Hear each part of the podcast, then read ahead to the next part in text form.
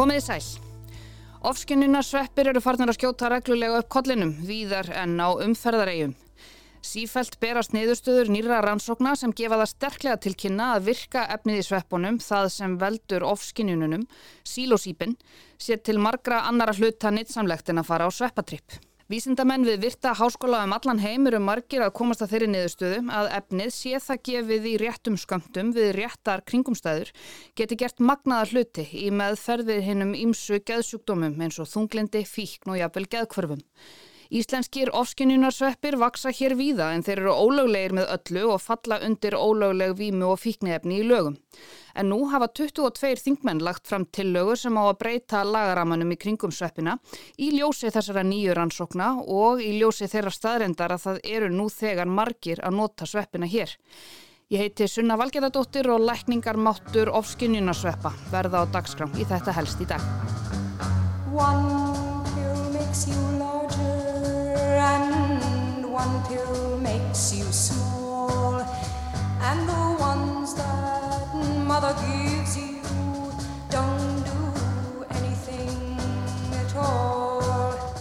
Trjónupæla fekk napsitt því að hún er peðsveppur sem er talin minna á tríni í útliti. Fræði heitið er Psilocybe semilanceata.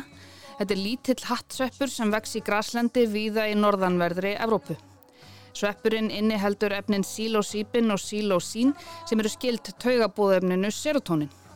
Efnin hafa áhrif á miðtögakerfið og geta valdið ofskinjunum. Skamtur sem er fjögur til 8 milligram veldur vímukendu ástandi og skinvillum en mjög er misjamt hversu mikið af eiturefnunum er í einstökum sveppum.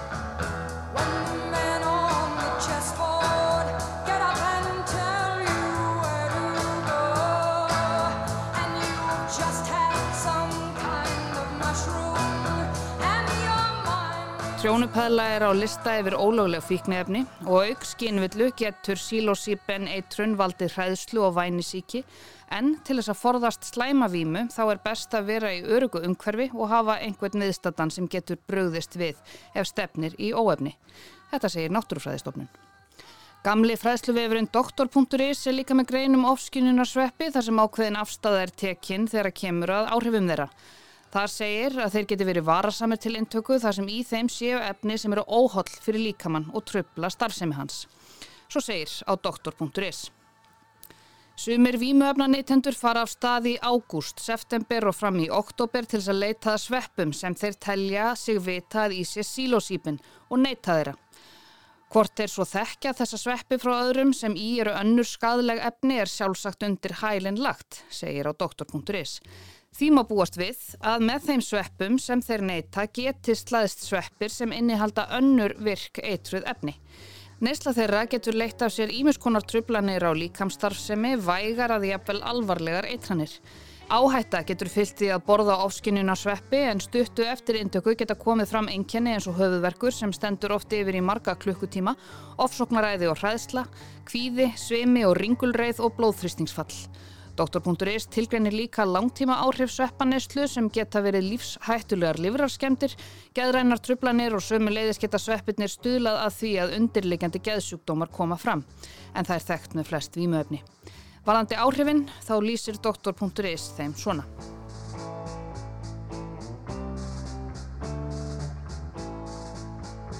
Um það byrj 20-30 mínútum eftir að sveppana hefur verið neitt koma fram sílósýpin áhrif svo sem róði í andliti, slökun vöðva, aukin hjartsláttarhraði, útvíkun sjáaldra, munþurkur og ógleði. Skinntrublanir koma meðal annars fram í miklum afbökunum á rúm og tímaskinni svo og geðlagsbreytingum. Stórir skamtar geta framkallað offsjónir og afbakanir á snerti og sásökaskinni. Afbakanir skinjunar af völdum sílósýpins geta verið skemmtilegar og þægilegar fyrir neytandan en það geta líka verið mjög ógnækjandi, valdið ofsarhæðslu og jafnvel framkallað bráða styrlun. Andlit vina, ættingja og ókunnúra geta virst breyta um lit eða lögun eða skindilega elst ógnvanlega. Þetta getur gerst meðan á neistlu sveppana stendur eða eftir á og staðið yfir lengi.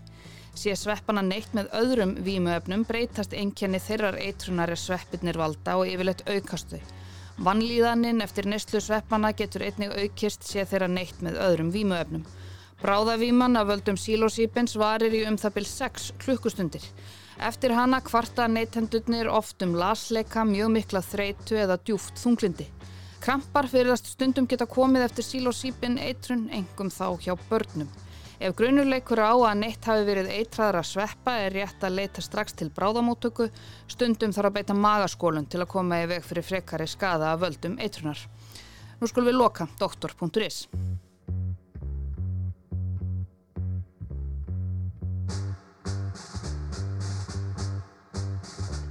Innflutningur, útflutningur, neysla, sala, kaup, skipti, afhending, mótaka, framleiðsla, tínsla, tilbúningur og varsla ofskinjunarsveppa er ólögleg, samkvæmt lögum um ávana og fíknefni. Sílósýpin er á lista yfir þau efni sem er ólöglegt að neyta. Brot á þessum lögum, þar að segja lögum um ávana og fíknefni, geta varðað fangilsi alltaf 6 árum. Til eru heimildir um nótkun ofskinjunarsveppa í helgisiðum í Mexiko fyrir um 3000 árum og þeir hafa víða verið notaðir sem skínbreytandi og hugvíkandi vímuöfni.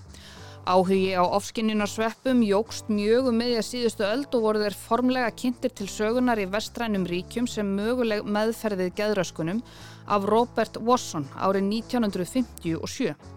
Roger Haim var síðan sá sem einangraði sílósýpin úr sveppum árið 1958 og hóf framleiðslu þess sjálfur árið síðar. Í kjölfarið var fjöldi rannsókna og áhrifum sílósýpins á menn stöðvaður og áhugi á því dvínaði. Í loksíðustu aldar vaknaði aftur áhugi á að rannsaka það betur í tengslum við meðferð geðraskana á borð við þunglindi, kvíða, áráttu og þráhyggjuröskun og áfengis og nikotínfíkn. Þetta kemur fram í læknablaðinu.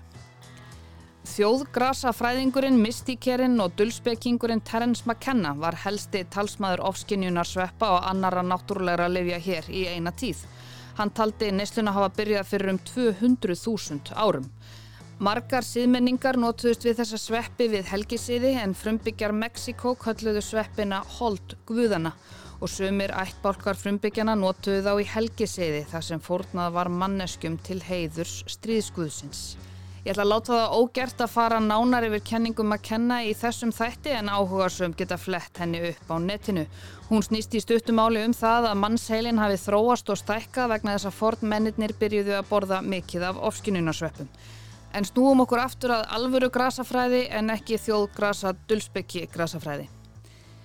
Trónupæla er lítill sveppur sem finnst í graslendi. Sveppurinn er með græn brúnan hatt og með rjóma kvítan stilk sem getur litast dökkgræn eða blár niður yfir jörðina. Hatturinn er keilulaga eða snubbótlega keilulaga og getur verið hálfur sentimeter til 2,5 cm í þvermál og oftast með bungu á toppunum sem líkist gerfurstu. Stilkurinn getur ímistur í beitn eða bilgjóttur en getur verið 3 til 10 cm langur. Fanir sveppsins eru ekki huldar blæju en þær eru ólífu gráar þanga til að þær þroskast og þá verða þær svona brún fjólubláar. Fanirnar eru frávaksnar stilknum og vaksa þjætt saman.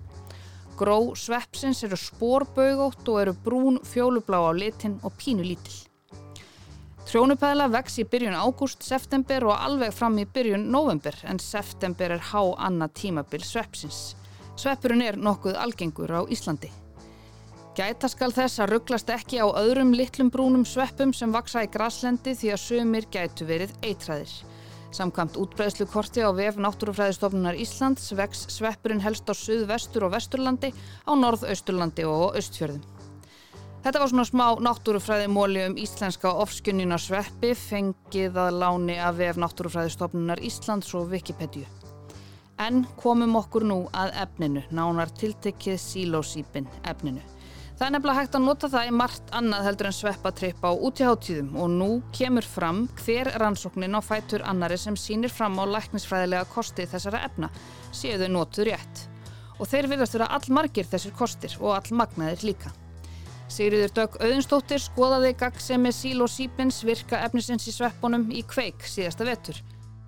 Sterkar vísbendingar er um gaggsemi ofskinnunarefna á borði sílosíbin sem er virka efnið í ofskinnunarsveppum í meðferði geðsugdómum. I don't think there's any doubt that psychedelics are going to be the biggest revolution in psychiatry. Fólk talar um að þetta er eins og að gleipa sálfræðingi sinn í einum bita þetta ferðalag. Helstu gæðlif sem notuður í dag byggjast á hálfrar aldar gamalli uppgötun og gagnast ekki öllum. Prófaði allar meðferði sem að, þú veist, allt í dálislu og bara allt sem að ég fann einhvern veginn. Þetta er svo svakalega erfitt að fara gegnum þetta og þetta tekur svo mikið á. So there's a gap, there's a hole, there's a need to come in with new treatments. Vonandi er þetta bara gott lið en enga fórsendur ennþá til að segja að þetta sé. People have terrifying experiences. They go to places, the dark places where they have been traumatized. Þessi umfjöldun kveiks fór í loftið í februar og síðan þá hafa svipaðar fréttir skotuð upp kollinum annað veifið. Með einslæginu fylgdi sumu leiðis fréttum örskamta meðferð með ofskinnunarsveppum þar sem kom fram að slík aðferðirðist hafa náð nokkur í útbreyslu og Íslandi hjá fólki sem glýmir við geðsjúkdóma á borð við þunglindi og geðkvörf. Örskamtar eða mikróskamtar af ofskinnunarsveppum valda ekki ofskinnunum. Flestir sem reyna örskamta meðferð neyta 2 milligramma og 3 daga fresti í mánuð. Hver skamtur er innan við 1 tíundi af skamtunum sem er tekinn þegar ætlunin er að komast í ofskinjunar ástand. Ofskinjunar efni, önnur en sílósipin eru til dæmis MDMA sem er virkað efnið í etöflum og LSD. Öll eru þessi efni ólögleg og því er óheimilt að nota þau í læknismeðferð á Íslandi. En nú í september byrtu landsbítala geðlæknarnir Árni Jóhannesdóttir og Engilbert Sigursson grein í læknablaðinu um sílósíben og nótkunn þess við meðferðarþráu þunglindi eins og það er kallað. Í greininni stendur að efnið hafi undanfarin ár verið rannsakað sem möguleg meðferð við þunglindi, engum meðferðarþráu þunglindi og farið er yfir virkni þess í greininni. Ég ætla að lesa ingangin hér og grípa svo niður í greinina á stöku stað. Sílósíbin meðferð er fólkin í gjöf 25 milligramma sílósíbin hilkis, oftast í eitt skipti, samhliða stuðningi fagaðila í 5-8 klukkustundir á meðan skein vikandi áhrif vara. Algengar aukaverkanir eru höfuverkur, ógleði, þreita og sveplesi. Nýleg sapgreining síndi marktækan árangur sílósípin meðferðar hjá vissum hópum við þunglindi. Í nýlokinni rannsókn leti sílósípin meðferðin til svörunar og veruleg spata hjá um þriðjungi þáttakenda þegar í lok þriðju viku. Niðurstöður og rannsóknunum benda til þess að sílósípin drægi marktækt úr þunglindis enkjönum og þólist almennt vel. Frekari rannsóknir munu leiða í ljós hvort sílósípin hljóti markaðsleifi gegn meðferðarþráu þunglindi á næstu árum. Brín þörf er á nýjum meðferðarúræðum fyrir þá sem svara ekki hefðbundinni þunglindismeðferð. Þunglindi er alvarlegur, algengur og langvinnur sjúkdómur sem kemur oft snemma fram á æfinni og getur valdið mikilli þjáningu og færtnis skerðingu. Lífstíðar algengi er um 20% og er almennt tvöfalt herra hjá konum en körlum.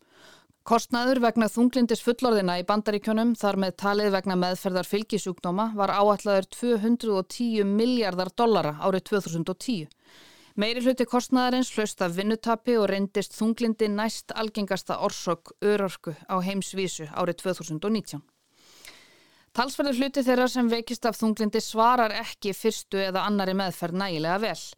Svo kallað meðferðar þrátt þunglindi á við um 15 til rúmlega 30% einstaklinga sem greinast og hljóta meðferð við þunglindi. Meðferðar þrátt þunglindi er alvarlegt líðhelsu vandamál sem veldur ángist, vonleysi og stundum algjöru uppgjöf hjá þeim veika og hans nánustu. Það er einnig umfangsmikið og kostnaðarsamt samfélagslegt vandamál. Algeng skilgreining á meðferðarþráu þunglindi er að einstaklingur með miðlungs eða alvarlegt þunglindi hafi hlotið meðferð með að minnstakosti tveimur þunglindislefjum í meir en sex vikur á viðurkendum skömmtum án klíniskrar sörunar en í henni fælst að einkenni hafi minkað um helming eða meira á meðferðartímanum. Ein af nýjum meðferðum við þessari tegund þunglindis er að sílósíben í töfluformi í 1-2 skipti samhliða stuðningi fagaðila í nokkra klukkustundir eftir gjöf livsins.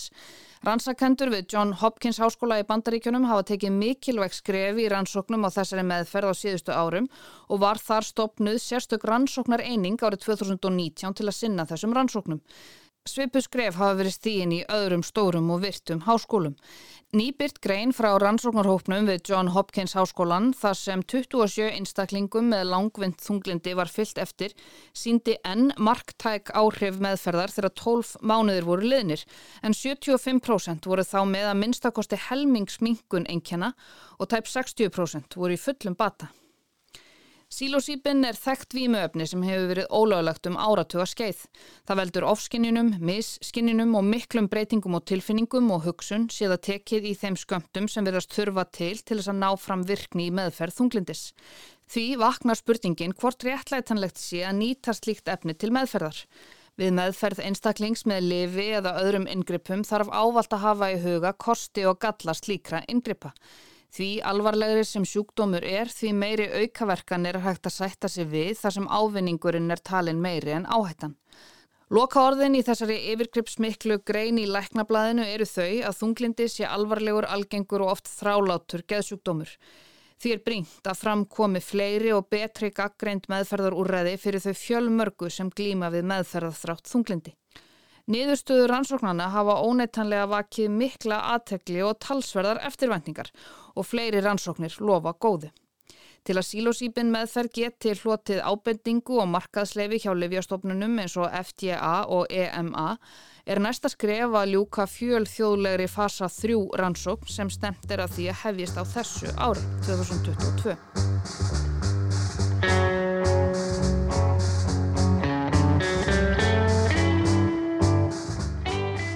Svo mörg voru þau orð. Og nú í vikunni bárst fregnir að því að 22 þingmenn úr öllum flokkum nema vinstri grænum hafa lagt fram tilögu og alþingi um að heimila rannsóknir og tilraunir hér á landi með hugvíkandi efni sem finnst í sveppunum. Flutningsmaður frumvarpsins, Viljálmur Átnarsson, sjálfstæðisflokki, segir við vísi að í ljósi þess að margir noti ofskinnunasveppi í lækningaskinni nú þegar sé mikilvægt að skapa lagalega umgjörð utan um notkunina.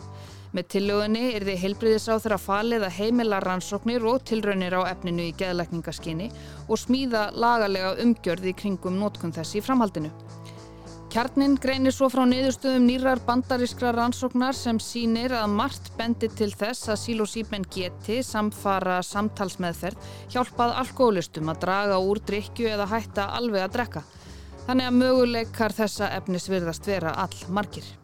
Og það er morgun ljóst að það er margt áhugavert framöndan þegar kemur að nýtingu þessara náttúrulegu efna í geðlækningum en ég ætla að setja punktin hér þar til annað kemur í ljós. Ég heiti Sunna Valgeradóttir og þakk ykkur fyrir að leggja við hlustir. Þetta helst verður svo aftur hér á morgun. Heyrumst þá.